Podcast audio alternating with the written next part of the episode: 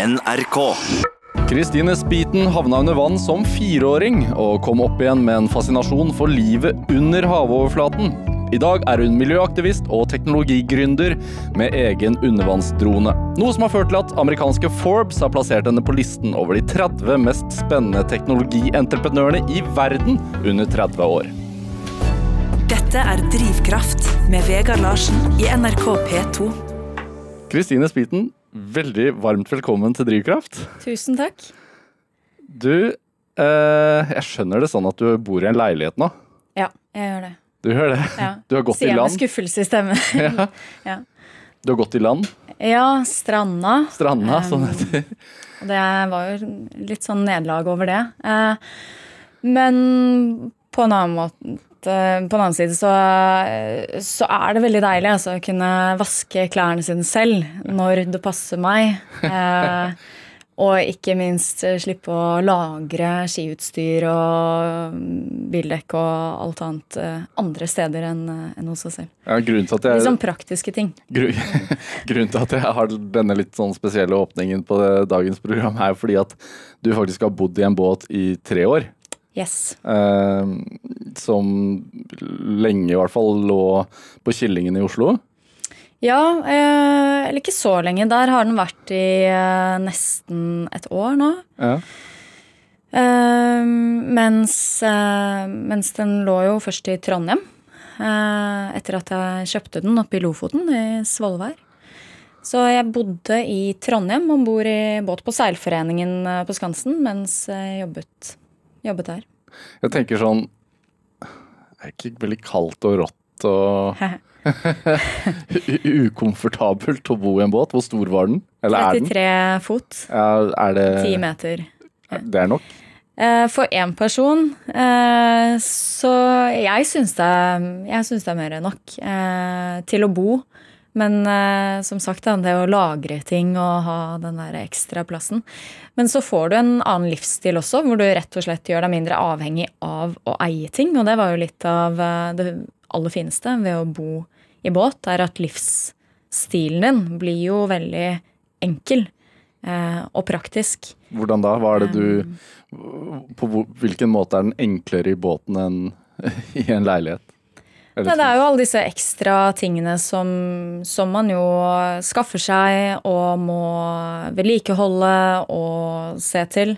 Eh, Istedenfor å eie, så ble jeg mye flinkere til å leie eller låne eller eh, Altså, eh, livet ble litt mer sånn fokusert rundt eh, hvordan man lever og hvordan, eh, hvordan man bruker ting, mer enn det å eie alt nødvendigvis selv. Så jeg ble veldig Jeg utforsket det landskapet av eh, låne og leie og lease-apper som fantes. Og det er veldig deilig da, å slippe å ha ansvar for, eh, for så mye stæsj og unødvendig utstyr du ikke egentlig trenger. Men, men når man bor innendørs eh, på land, Mm. så legger man seg jo eh, i sengen sin på kvelden, og så våkner man opp i den samme sengen, og det er liksom helt sånn uforandra. Ja. Du legger deg jo i, i sengen i, i båten også, men det kan jo være liksom strålende vær når du går og legger deg, og så er det Ja, det, sjø og natur på utsiden. Mye, mye tettere på, på været og på naturen.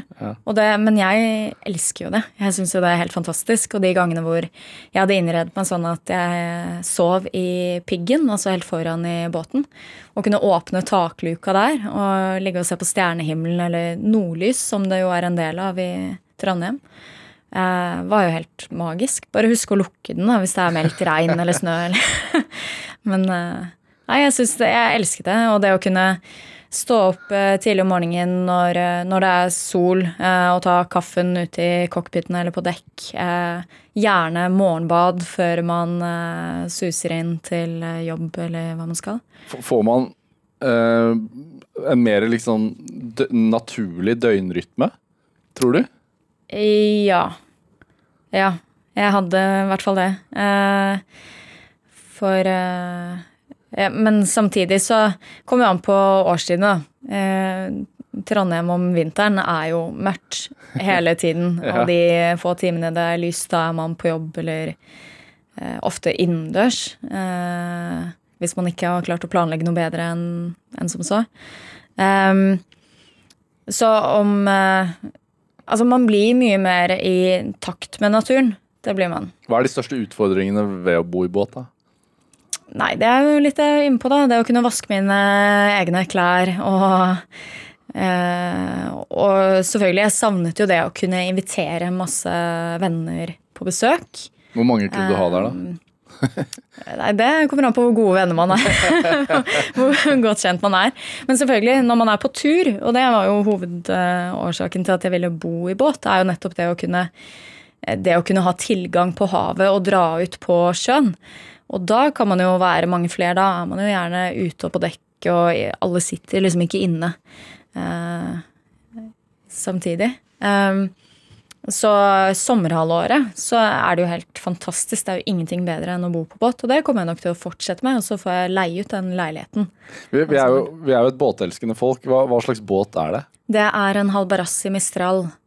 En svensk båt fra 1972. Sier meg absolutt ingenting. ingenting. Nei, det, er, um, det er glassfiberskrog, uh, men så er det tre. Uh, altså teak-dekk og cockpit. Og, så den er litt sånn veldig klassiske, gamle linjer på den. Mm.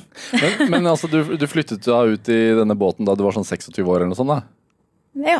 Hva, det var jeg. Blir man møtt med undring da? ja. det er jo mange som tenker at uh, Altså, det er jo ikke vanlig. Nei. De færreste bor jo i båt. Men i Trondheim så var det faktisk en del som gjorde det som studerte. Eh, og ikke, ikke, alle av dem visste hvordan de opererte en båt eller seilte.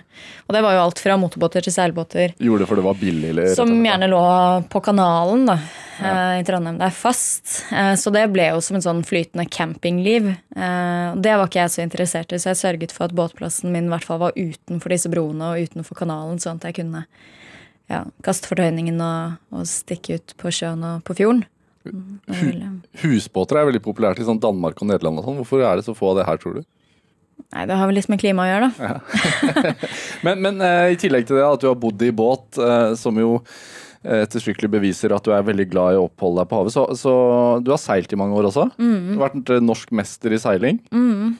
I 2007 var jeg norgesmester. I en jolle som het Zoom 8. Og før det så seilte jeg optimist og på en måte gikk de gradene da, som man snakker om i jolleseiling. Og så prøvde jeg meg litt på 29er. Um, ehm, og så, mens jeg bodde i Trondheim på denne seilforeningen, så ble jeg sugd inn i et aktivt seilmiljø der også. Uh, og seilte det som heter Melgis 24. Og da er man fem stykker. Uh, så det var på en måte første gangen jeg gikk fra å være én person om bord i båten. Og kunne ta alle beslutninger og taktikk, eh, styre taktikken selv. Til å bli en uh, fokkeslask. så det, det, det, var en sånn personlig utfordring. Kjempegøy. Ja. Helt annen måte å seile på. Hva, hva, er det som er så gøy med å være på havet, da? I båten? Du er jo nødt til å hele tiden forholde deg til elementene. Til Eh, vind til bølger til strøm, eh, og, og justere strategien din, planen din, deretter. Eh, så det er en veldig sånn taktikkøvelse. Samtidig så må du ha masse teknikk for å sørge for at den båten går fortest mulig og ligger plant i vannet. Og er det sånn jo fortere det går, jo morsommere er det? Ja, ja. hvor, hvor fort kan det gå, da? Når man seiler. Ja. Hva er det raskeste du har Som jeg har seilt? Ja. Nei, altså i Den båten jeg har bodd i, den går ikke så veldig fort. Da Da har jeg vært oppe i 11 knop. Um, men da vi seilte 29er, så var vi vel oppe i 18 19. Og for oss som ikke snakker båtspråket, hva vil det si? Da var det sånn at vi, vi, eksperimenterte med å kunne stå på wakeboard etter. Ok, sånn. Da går det fort, det. Ja. Du, du, er, du, er, du, er, ikke en person som blir sjøsjuk? Nei, jeg har blitt det. Jeg har vært det to ganger. Eh, så jeg vet hva man snakker om når man snakker om sjøsyke, og det er helt grusomt. Ja. Det er ordentlig kjipt. Du er ikke i stand til å gjøre noe som helst. Uansett hvor god du er til å seile eller hva som er hensikten med å være om bord på den båten, så kan du bare drite i det. Og så må du bare gå og legge deg, eller uh, ha øynene på horisonten og holde deg fast. Ja, men jeg tenker sånn, hvis du, hvis du velger å bo i båt, og den den dupper jo litt uansett, selv om den ligger Ja, det er så deilig. Ja. Det er litt sånn som å bli vugget til søvn. så du, du, våkner ikke opp og må Nei, Det savner jeg. Jeg sover mye bedre, bedre på båt enn på land. Dette er Drivkraft med Vegard Larsen i NRK P2. Og I dag har vi seniorrådgiver i Verdens naturfond og teknologigründer Kristine Spiten her hos meg. Og, og, vi har pratet om det å bo i båt, for det har hun faktisk gjort i mange år uten å bli sjøsjuk. Det er imponerende. Um, altså du har jo seilt i mange år og vært dyktig til det, og du har bodd i båt, men, men jo, altså, din interesse for havet går jo lenger enn det. Enn å bare være på overflaten. Altså, når er det liksom fascinasjonen for hav starta for deg? Jeg er helt sikker på at det startet den gangen jeg plumpa uti som, uh, som fireåring. Og det var egentlig en sånn uh, alltid hatt et veldig sterkt konkurranseinstinkt. Så jeg utfordra lillebroren og fetteren min på å se hvem av oss som våget å gå lengst uti. Er fetteren yngre òg, eller? Ja, så vidt. så vidt. Altså, vi var veldig små. Ja. Um, uh, og, og, så han gikk til, han gikk til anklene. Uh, og, og, broren min gikk til livet. Uh, og så tenkte jeg at ok, men da vinner jeg det her. Ja. Og så går jeg til skuldrene. Og så sklei jeg eh, og havnet med hodet under vann. Og Hvor gammel var du da? Sånn fire-fem år. Ja. Eh, jeg ble vel fem den, eh, den sommeren. Men, eh, men eh, det å oppdage at mm, Altså, det må jo ha vært første gangen jeg hadde øynene åpen, åpne under vann. Og se at det er en verden der som inntil da eh, for meg hadde vært helt eh, Den hadde jeg vært helt stengt ut fra. Eller jeg har aldri opp, opplevd før. Kunne du svømme? nei, nei, nei. Og det var jo derfor jeg ble stående og se meg rundt. og, antagelig, og husker det så godt. Det er veldig rart. Og jo, jeg skal jo bare være glad for at jeg ikke eh, druknet. Men jeg husker fortsatt hvordan fargene var litt sånn dunkle og litt sånn eh, grønngrå. Alt var jo mørkere. Og jeg husker det der sjøgresset som sto litt til venstre for meg borti eh, bort på siden. For jeg skled jo på et svaberg. Og jeg, fremdeles så husker jeg så godt hvordan det ser ut. Det hadde egentlig vært veldig interessant å dra tilbake akkurat dit og ta en titt og se om det er det samme bildet jeg hadde fått i dag. ja. Eller om det bare hadde vært fullt av plast der. Jeg vet. Um, men det, jeg er helt sikker på at den hendelsen der, den har ligget litt sånn murrende i bakhodet for den fascinasjonen jeg har for havet i dag. Da. Som en sånn nysgjerrighet til å finne ut ved, mer om denne verden som jeg egentlig ikke hadde tilgang på. Nei, fordi du har jo eh, blitt i havet, eller ved havet, hele mm. veien. Også det med den seilingen, da, og så det at du har bodd der, og det at du også nå jobber med hav. Mm. Eh, og, og, og, Dagens Næringsliv eh, kåra deg akkurat til Eller akkurat akkurat, men nettopp til årets ledestjerne her i landet. Eh, og, og, de definerer deg som Norges mest inspirerende tech-gründer og havforkjemper. Hva, hva tenker, du om, eh, tenker, du om, det, om sånne kåringer, å bli definert som det? Det er jo Akkurat den kåringen der, det var jo eh, Dagens Næringslivs eh, lesere, eh, eller D2s lesere, som har stemt på det. Og jeg tenker at de, det de har stemt på, er jo havet. Um, så for meg så er det en sånn eh, veldig god, fin bekreftelse på at eh, det jeg jobber med og brenner for, er viktig, og det er flere som bryr seg. Det er veldig betryggende. Uh, og så vil jeg bare fortsette å fortsette å jobbe mer med det. Men så, altså, Du er fra Asker. Hva, hva, hva, er det som har fascinert deg eller trukket deg mot havet? da?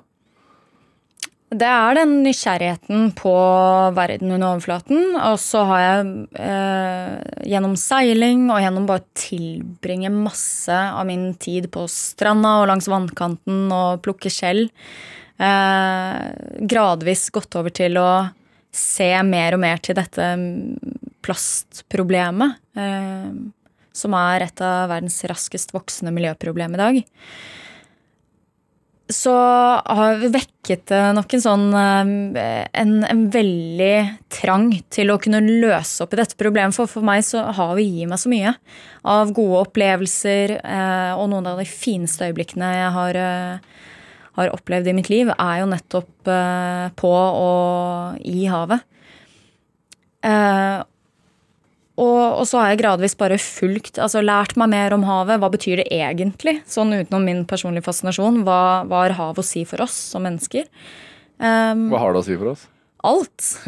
altså uten havet så, så er det ingenting. Uh, det er ikke noe liv på jorda hadde, ikke, hadde vi ikke hatt havet. Um, og det står for mat, energitilførsel, mesteparten av oksygenet vi trenger for å puste og for å leve. Eh, og senere så har det jo blitt den viktigste transportveien vi har til å både frakte mennesker og, og varer. Så sånn sett, uten hav, så det er jo det som binder alle menneskene på jorda, på jorda sammen. Og når vi da ser at havet lider under vår tankeløshet, måten vi kaster fra oss eh, avfall og ting som ikke hører hjemme i det, eller måten vi forurenser det på, så blir jeg veldig engasjert og, og skal gjøre alt jeg kan for at vi klarer å løse disse utfordringene. Redde havet. Ja. Men det er ikke en enmannsjobb. Hvor, hvor, uh, hvor, sykt er det, vil du si? Nei, nå vil jeg si uh, er det, en, altså, en, er det en starten på en forkjølelse? Nei, det er langt forbi starten på en forkjølelse. Dette er eh, kraftig eh, magesår eh, og, en, og, svulster som høyst sannsynlig er som er ondartet. Og så får vi se om vi klarer å finne kuren på å løse det. Uff a meg. Det, det, er jo, havet har jo fått en del fokus i den senere tid. Mm.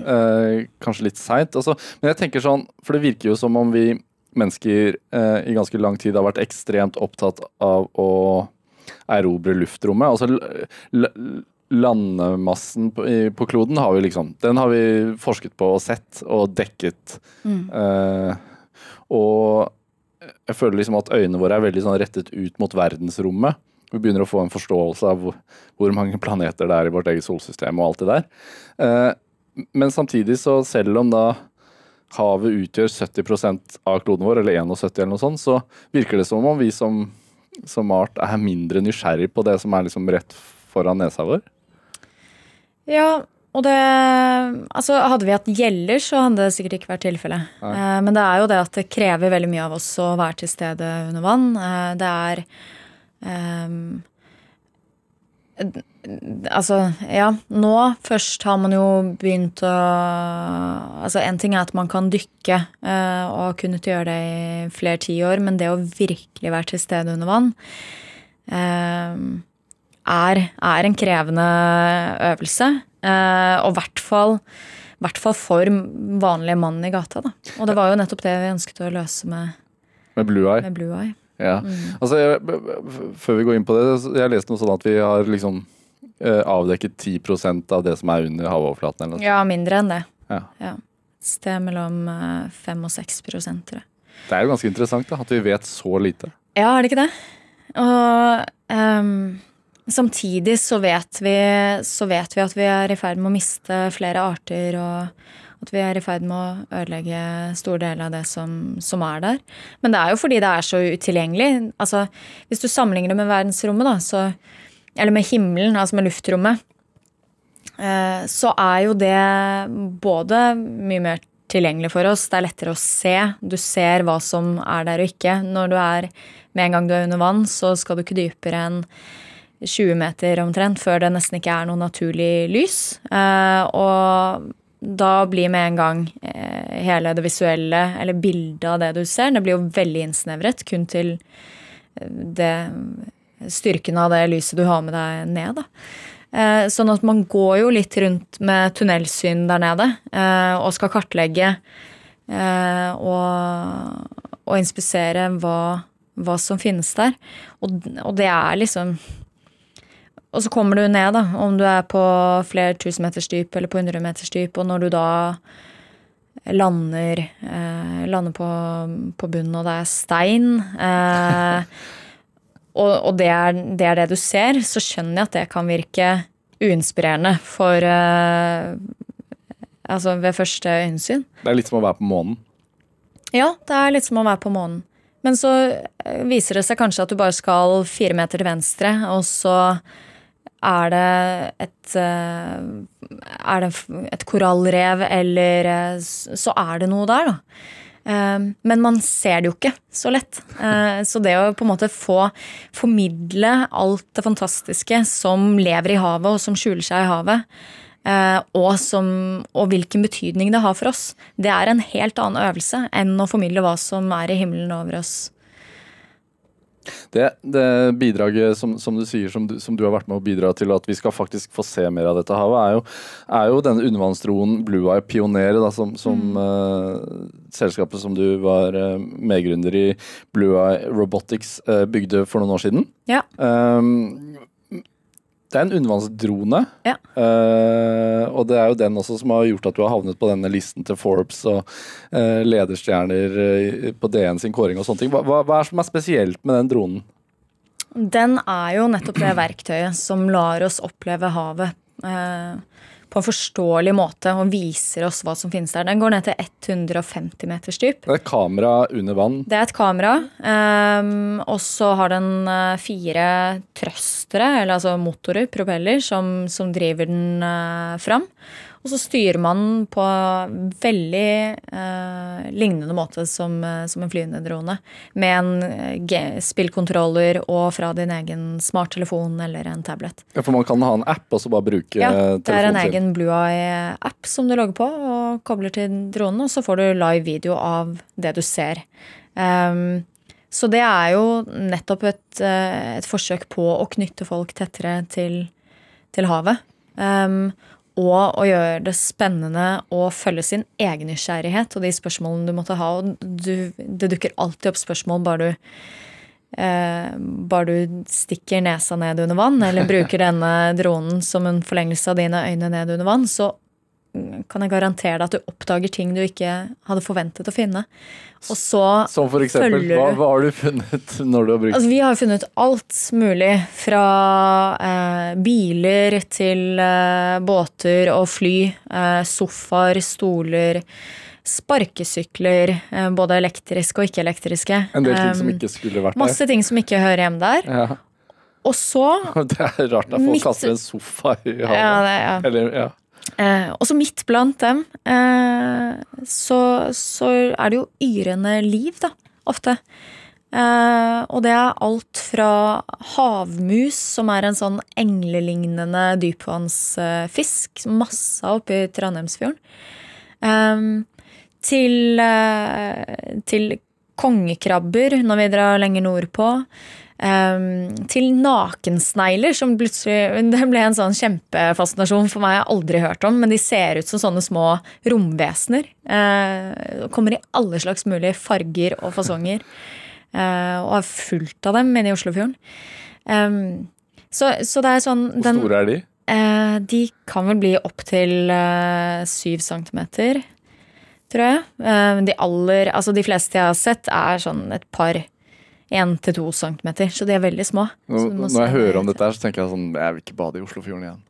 Nakensnegl er jo det hyggeligste du kan bade blant. Det er verre med det andre Ja, eh, både haier og maneter og slimål og uh, andre arter som er mindre fristende å bade i nærheten av. For meg, Jeg tror det er en grunn til at, ikke, at man ikke vet helt hva som er, er under overflaten der. Men altså du, du, eh, Denne dronen, da. Eh, hva, altså, hvordan oppsto ideen til den? Mm. Fra litt uh, ulikt hold. Vi var fire stykker som startet selskapet sammen. Ja. Eh, så for min del så, så startet det vel faktisk da jeg hadde et internship for Kongsberg Oil and Gas Technologies. På et samarbeidsprosjekt de hadde med Statoil tilbake i 2012. ja. um, Ironisk nok? Ironisk nok. Men det var første gang jeg pratet med Nina Jensen, som den gang var leder av WWF, Verdens naturfond. Fordi hele samarbeidsprosjektet her dreide seg om integrert miljøovervåkning Der de eh, skulle lage metodikk for å undersøke og kunne overvåke før og eventuelt under og etter eh, oljeboring hvilke konsekvenser det har for, eh, for det marine miljøet. På det spesifikke stedet. Men da var du fremdeles student? Ja, ja. Ja. Da, da var jeg Jeg hadde studert i eh, to år. Ja. Andreårsstudent på NMBU. Eh, mhm. Og, og tenkte Så sånn jeg, skal var jo veldig fersk. Ja. Og jeg så, må innrømme at jeg hadde ikke så voldsomt mye å eh, bringe inn i det prosjektet, annet enn en ekstrem nysgjerrighet eh, og, og vilje til å kartlegge og forstå og lære alt jeg kunne om både havet og om hvordan man bruker teknologi til å kartlegge eh, havet.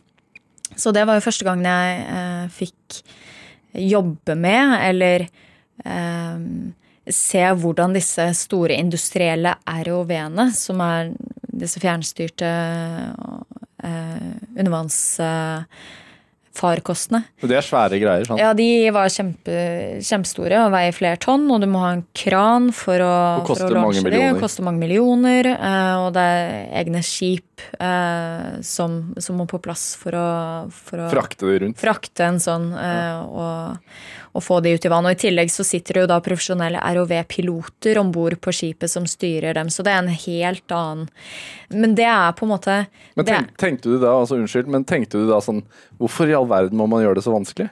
Ja, det var akkurat det jeg tenkte.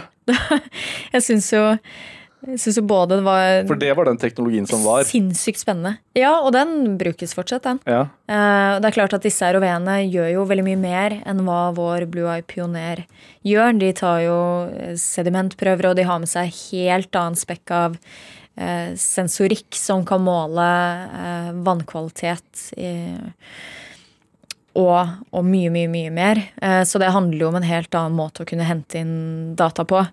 Um, men det er jo uh, storebroren til eh, Lille Pioner som vi senere utviklet. Og det var fra eh, min side så var det jo der det første Det var da jeg begynte å tenke på det at vi må jo gjøre eh, havet tilgjengelig for alle. Vi kan ikke la havet være noe som er tilgjengelig kun for industri og forskere. Det er ikke bare Equinor som kan se hva som Ja, men jeg syns det var urettferdig. rører seg under overflaten. Ja, ja. Men er det sånn uh, Luftdroner har jo blitt allemannseie. Ja, og det også startet jo som et militært uh, verktøy.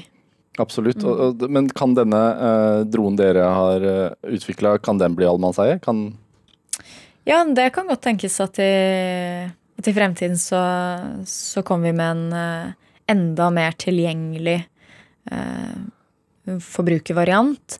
Eh, alternativt, så tilbake til det jeg snakket om tidligere i forhold til eh, lån og leasing, og se på hele behovet og hvordan man bruker teknologi, så er det ikke sikkert at alle skal at alle forbrukere skal sitte og eie hver sin undervannsdrone.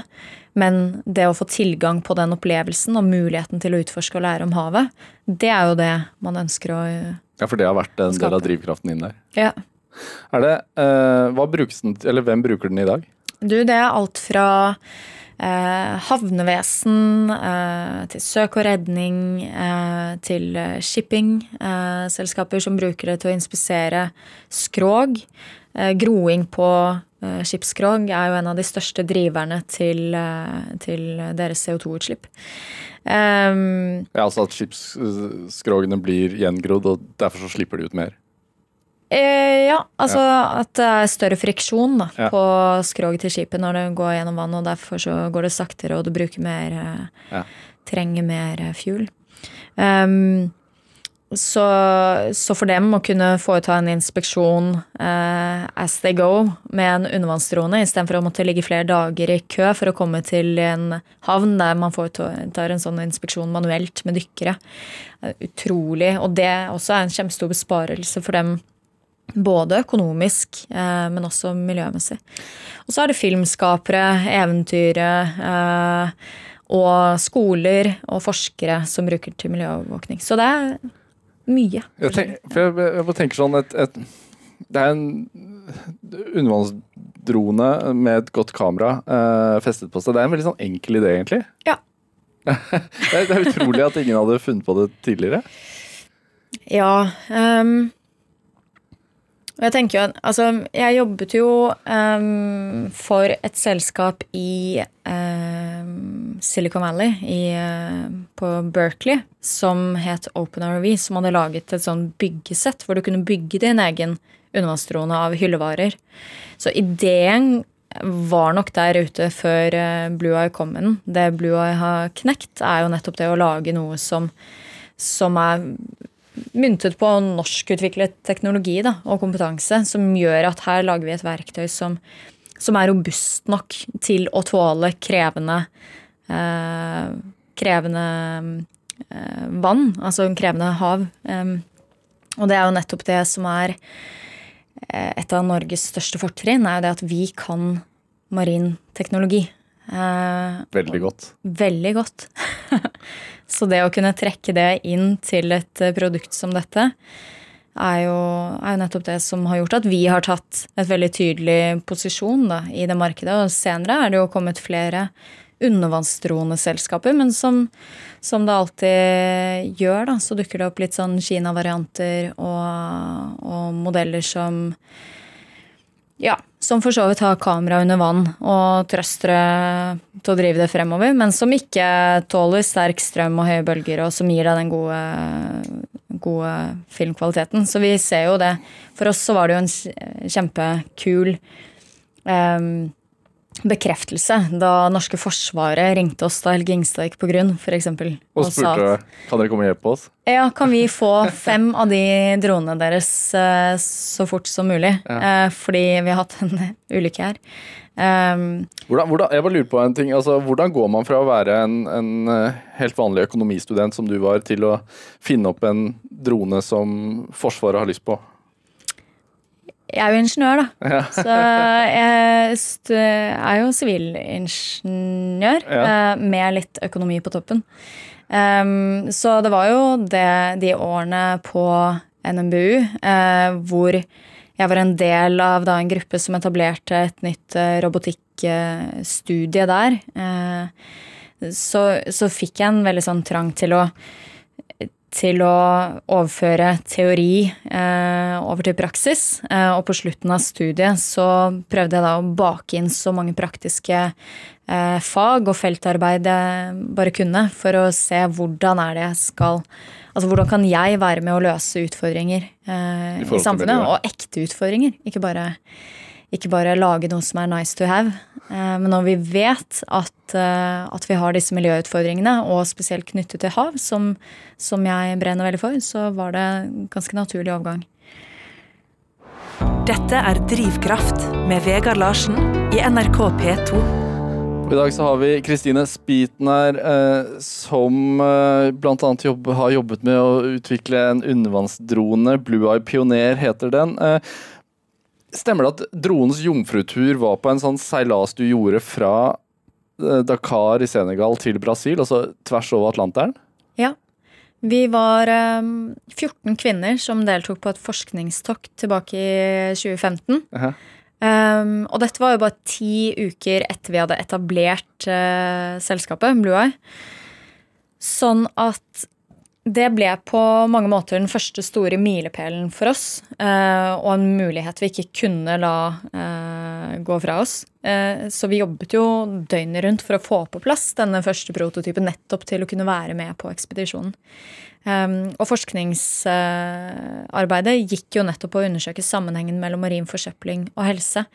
Og med da en undervannsdrone så ville vi ha muligheten til å se hva som finnes av avfall på havets bunn, både langs kysten av Senegal og så Brasil. Hva, er, hvor lang er den turen? Det tok oss eh, 25 dager totalt. Og det var, det var egentlig ikke meningen at det skulle ta så lang tid, men planen var at vi skulle seile via Ascension Island, som er en av verdens fjerneste øyer, som ligger midt ute i eh, Atlanterhavet.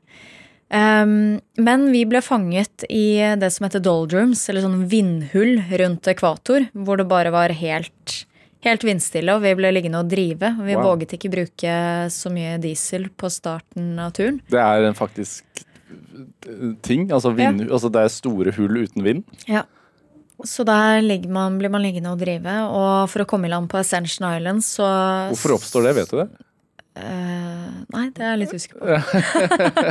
um, men, um, men det er jo da midt mellom, uh, midt mellom disse vindene som går nord og sør i Atlanteren, så jeg vil jo kanskje se for meg at det blir der hvor de møtes, så oppstår det hull. Og også også sånne små stormer, eller skulls, som vi kalte det, som innimellom så var det jo nesten som å være midt i en, uh, midt i en liten orkan, kjentes det som.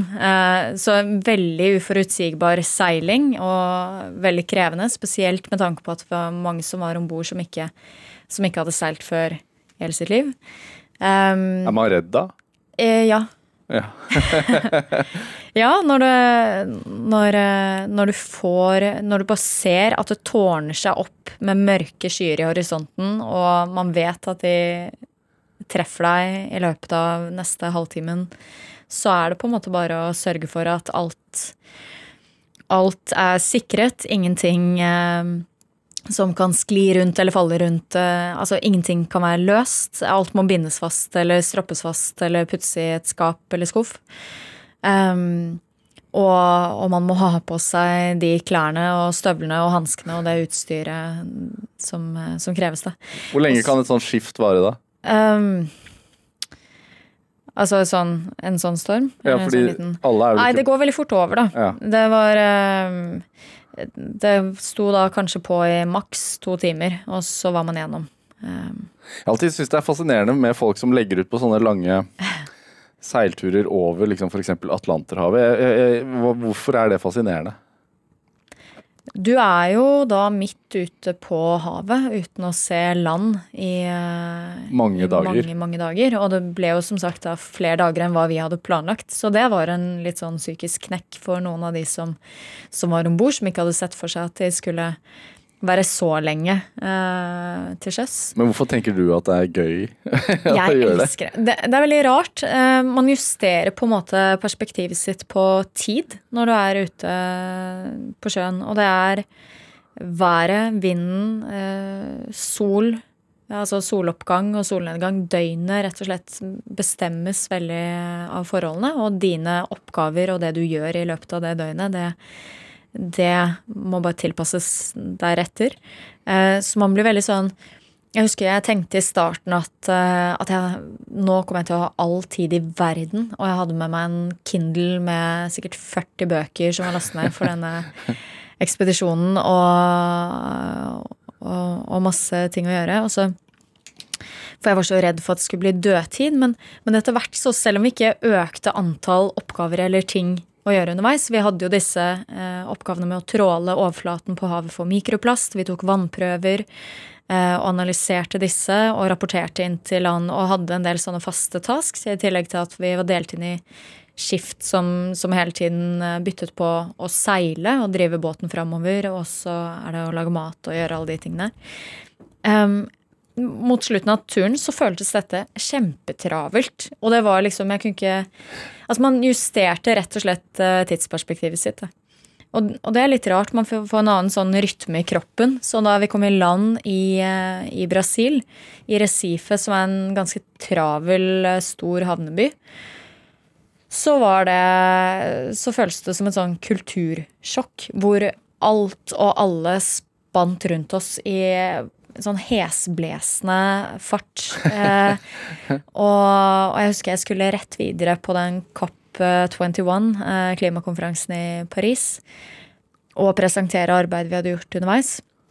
Eh, og det virket som verdens største oppgave og kjempestressende å skulle lage dette foredraget, som jo egentlig um, gikk veldig fint og var helt greit. Men så det å justere seg tilbake da til en hverdag hvor, hvor ting går fort igjen, og ja. man løper fra avtale til avtale, og mange mennesker har eh, påvirkning på kalenderen din, det, det er spesielt. Du, du, kan forstå de som sier at de liksom må ut på havet igjen?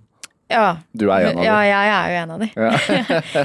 jeg må ut på havet igjen. Ja. Og det er verdens fineste avkoblingspunkt. Og sånn var det også da jeg bodde i båt. Så var jo nettopp den båten ble et sånn avkoblingspunkt hvor når jeg da kastet fortøyningen og bare lot meg drive ut på, på fjorden i Trondheim, så var det akkurat som om alt som foregikk på land, ikke angikk eh, meg. De fikk være travle så mye de ville der inne, og så var jeg der ute og leste en bok eller badet eller bare hørte på podkast eller musikk og lot som jeg ikke hadde dekning på, på telefonen. Hvorfor er der? Hvorfor har du det behovet, da? Det er jo fordi jeg har en veldig travel kalender ellers, da. Ja. eh, og så er jeg et eh, ja-menneske. Eh, så når jeg ser spennende muligheter som som eh, kan eh, ta meg raskere til mål, eller ta oss raskere til mål i forhold til å ta vare på havet, så hopper jeg veldig fort på de. eh, og er en grusom tidsoptimist.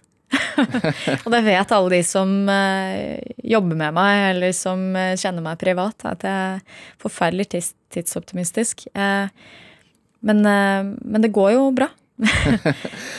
Får det jo til. Bare litt Du, du, du Det er jo miljøvernet som, som driver deg, virker det som. Fordi eh, du, du jobber jo ikke lenger i Blue Eye Robotics. Aksjonær der fremdeles, og du fronter jo selskapet. Eh, men du jobber jo nå i, Verdens naturfond, WWF. Eh, og så veit jeg at du holder et sånt eh, foredrag som heter Den nye havlandene, eh, som utspiller seg i 2079. Hva, hva er det for noe? Det var en en idé jeg fikk til en bok eh, for snart et år siden.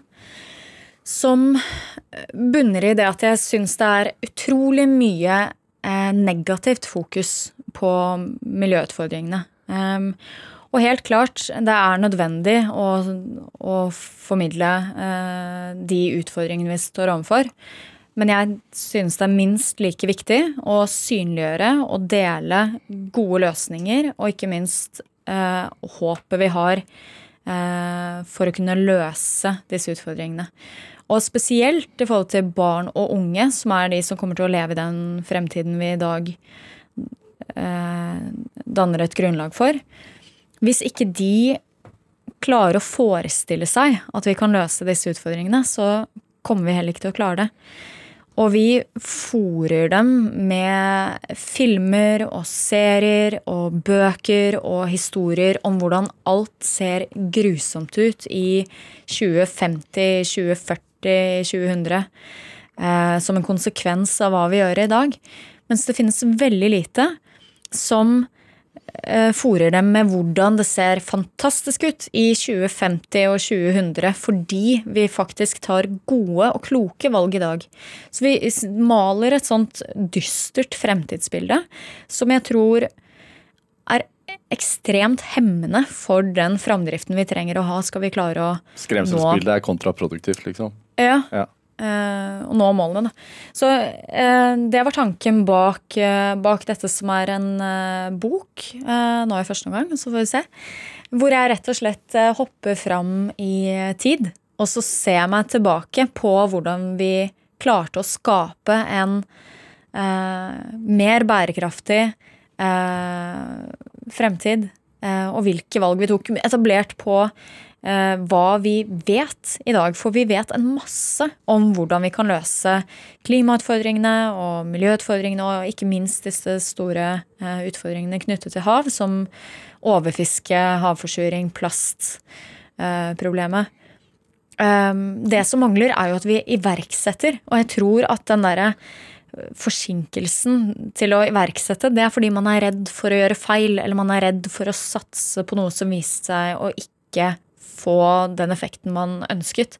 Men hvis vi ikke våger å teste underveis, og hvis vi ikke våger å dele eh, gode løsninger, så, så kommer dette til å ta altfor lang tid, og da kommer vi ikke til å klare å nå de målene. Ja, for Man kan jo bli sånn motløs da når man leser at eh, det, kost, altså det kastes eller havner 15 tonn plast i havet hvert eneste minutt. Eh, og at 94% av den plasten, av, altså av denne 15 tonn plasten som havner i havet hvert minutt, synker til bunns og nesten er umulig å få tak i. Så kan man jo bli litt sånn ja ja, det går jo, det, det går jo åt skogen. Ja. Eh, men du mener at det, man kan liksom få det til? Ja, definitivt. Eh, Men man må ha med seg både forbrukerne og politikerne og næringslivet. Eh, Og det er derfor det er så spennende med den jobben jeg har nå. Hvor man får jobbe ut mot alle disse tre eh, områdene. Eh, både med næringslivet, for at de skal kunne være driverne av det som heter eh, sirkulærøkonomi, som er en modell vi er nødt til å følge. altså Som egentlig bare handler om å maksimere verdien av de produktene og de ressursene vi har. For vi har jo et Jeg mener jo at først, vi først og fremst har et um, ressursforbruksproblem. Ikke nødvendigvis det at vi forbruker for mye. Hadde vi forbrukt, altså det vil si kjøpt eh, ting som tross alt som hadde vært resirkulert. Da. Eller laget av eh, ressurser som allerede var eh, utvinnet. Sånn at, vi, at det ikke krever at vi tar ut nye ressurser fra naturen så er det jo ikke noe problem i det. Ja, for du, du er vel ikke egentlig imot plast? Nei, ikke i det hele tatt. Og jeg har ikke troen på et, en plastfri verden. Um, ikke sånn som vi har bygget opp samfunnet i dag, så er det fantastisk uh, mange områder hvor plast er det beste materialet vi kan bruke. Bare hvis du ser på helseindustrien og på sykehusene f.eks., så finnes det ikke noe bedre alternativ vi må være plastsmarte. Nettopp. Så det er det, dette begrepet plastsmart eh, som jeg har tatt litt eierskap til, og som jeg mener er, er, den veien vi må gå, som handler om at vi tar vare på plasten, og vi gir det den verdien eh, det fortjener og sørge for at ikke noe av det havner på avveie, men at vi kan bruke det igjen og igjen og igjen og maksimere den verdien av det. Jeg, jeg vet jo, altså Du snakker om at det er viktig å, å, få med alle på dette. her, og Jeg vet jo at du eh, altså Jeg har sett deg en sånn kampanje for motenettsiden Netta Porter. Mm. Eh, og jeg vet at du skal gjøre en kampanje med Loreal, eller har gjort det allerede, som kommer nå til i løpet av vinteren. Mm. Eh, hvorfor gjør du det, da? Det er fordi et selskap som Loreal har en enorm påvirkningskraft eh, på veldig mange eh, på veldig mange kvinner, eh, først og fremst, og veldig mange unge. Og Loreal eier jo veldig mange selskaper igjen, som Garnier og Bioterm og mange av disse merkene som produserer produkter som vi bruker i det daglige. Ehm, og hvis de først bestemmer seg for at nå skal vi slutte å bruke jomfruelig plast i vår innpakning og gå over til resirkulert plast, eller vi skal rett og slett kutte ut mengden med emballasje. Dette er ikke nødvendig, det er ikke nødvendig å pakke inn alt i liksom, først et lag papp, og så et lag plast, og så et lag Så får det en kjempeeffekt. Eh, kontra å jobbe med et lite lokalt selskap som kanskje gjør alt riktig. Og man trenger begge deler, men, men, å kunne jobbe med de store, som har så stor påvirkningskraft, eh, mener jeg er en viktig vei å gå. Da. Vi, eh, er... De påvirker jo sin leverandør og hele sin verdikjede. Så når man snakker om sirkulærøkonomi, så er det jo da hvordan Loreal kan stille krav til sine leverandører, og ikke minst hvordan de kan nå ut med holdningsskapende eh, kampanjer da, til sine kunder. Så da tenker du at det er verdt å bli filma litt for å få ut det budskapet? Ja, det er helt greit. Eh, å bli, å bli filma litt. Og den kampanjen som jeg gjorde med, gjorde med L'Oreal, det var jo også etter at jeg hadde For jeg måtte gå en eh, runde med meg selv eh, på, på, hva det ville si. Hva vil det få av eh, Hva vil det skape av inntrykk? At jeg som jobber i Verdens naturfond, som eh, kjemper for å ta vare på havet, eh, og som har de verdiene som står så, står så sterkt i meg. Plutselig går og jobber med Loreal. Hvilket signal gir det? Eh, så jeg brukte en god stund på å undersøke Loreal. Og de er jo et av syv selskaper som nylig gikk inn i Elma MacArthurs New Plastic Foundation, som handler om at de er på en ganske tydelig reise hvor de har eh, forpliktet seg til eh, til å ta i bruk resirkulert plast og smartere emballasje i sine produkter allerede, i tillegg til å se på innholdet i disse produktene når det kommer til bærekraft og miljø. Det sies jo, noe, noe, altså det sies jo at hvis man som stort selskap ikke velger å gå grønt, så vil man om noen ja, om et tiår kanskje gå under. Mm. Er det Veit du om det ligger noe i det? Tror du på det? Ja, det tror jeg på. Ja. Eh, angående den der plastresirkuleringen og sånne ting, det er ikke så lenge siden man leste i, i norske medier at plasten vi har drevet og resirkulert, eh, bare blir brent i Tyskland. Ja, og jeg ble så lei meg da, da den saken kom ut, fordi um, nå er det sånn at eh, Fortum og også Infinitum er eh, Som er Ja, Fortum er eh, Altså det er selskapene som, som, jobber med håndtering av plast. Infinitum er jo selskapet som, som har ansvar for og står bak hele panteordningen ja. i, i, Norge. Og når de er i ferd med å skulle bygge opp nye anlegg for å kunne resirkulere og materialgjenvinne plast her i Norge, og disse anleggene skal stå klar om kun få år, så er det jo veldig dumt å gå ut i media og si at det har ikke noe å si eh, at vi kildesorterer. Det har ikke noe å si at vi, at vi putter plast i blå pose istedenfor uh, i de grønne. Eh, da skyter vi jo ned og på, punkterer hele den bevegelsen og momentet vi har som forbrukere da, rundt å skulle gjøre vår del av, eh, av ansvaret. Men løsningen burde vært der allerede? Absolutt.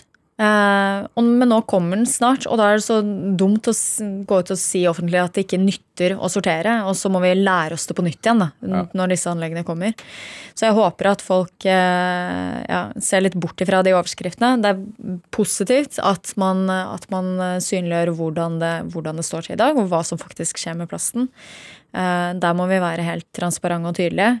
Men få også med det at nå kommer det anlegg på plass i Norge som faktisk har kapasitet til å ta seg all plassen i hele Norden.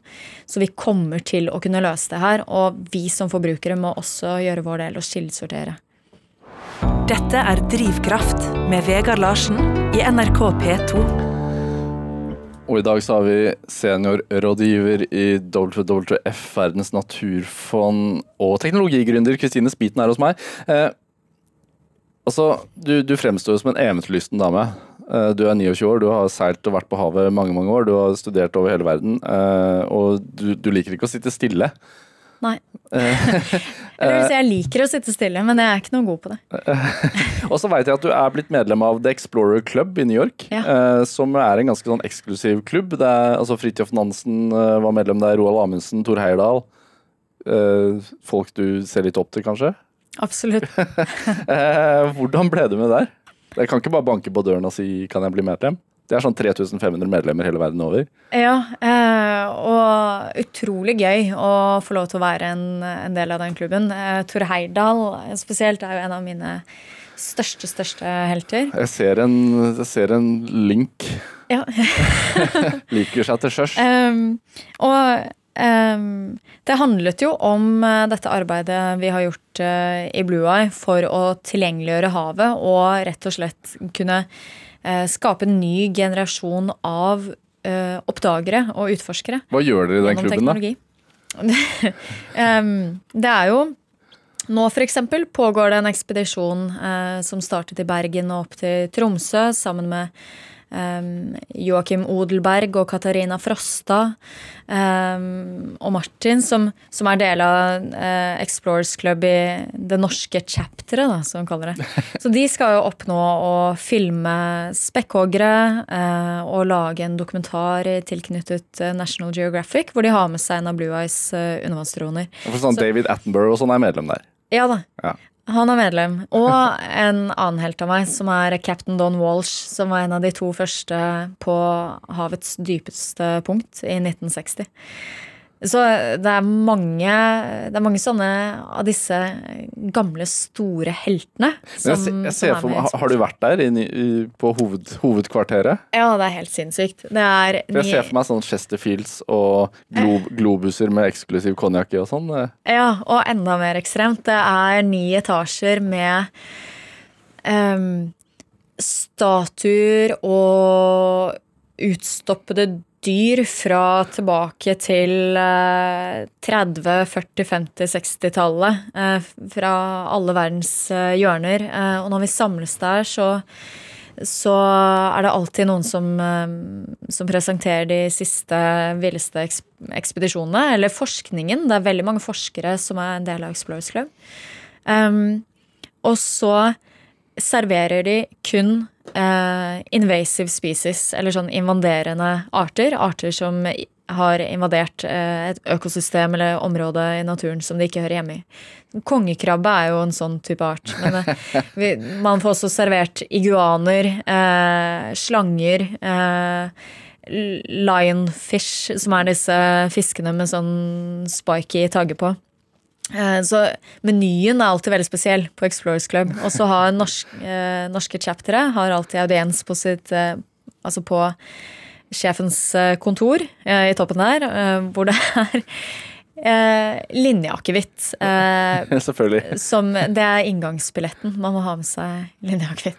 Så det er en god del sånne spesielle, gamle tradisjoner som holdes like. Er det inspirerende å være der? Veldig. Så, så det bidrar til at man liksom ønsker å utforske, utforske, og gjøre mer? Ja, ja, ja. Eh, absolutt. Hva, hva, altså, hva, vil du si er liksom drivkraften din nå? Du har jo eh, gått, ut, gått, ut, av Blue Eye Robotics og er jo i WWF nå. men Hva er det som driver deg nå, sånn kort til slutt her nå, for denne timen begynner å nærme seg slutten? Det er dette å koble sammen eh, mennesker eh, for å kunne nå de For å kunne skape et eh, friskt eh, hav eh, og nå de bærekraftsmålene som er satt. Eh, så en måte å gjøre det på er jo gjennom det som heter Entrepreneurship One. Som du også er en del av? Som jeg også er en del av. Eh, som ble startet eh, for et par år siden sammen med mine co-captains eh, Johan, Sindre og Markus. Som er en flåte hvor vi samler både skip og mennesker rundt det faktum at vi alle er i samme båt i møte med de store miljøutfordringene. Så det dreier seg om å synliggjøre, teste og dele løsninger, og teknologi, ikke minst. Der hvor vi ja, vil lage et sentrum for dette i Oslofjorden. Kristine Spiten, tusen takk for at du kom til Drivkraft. Tusen takk.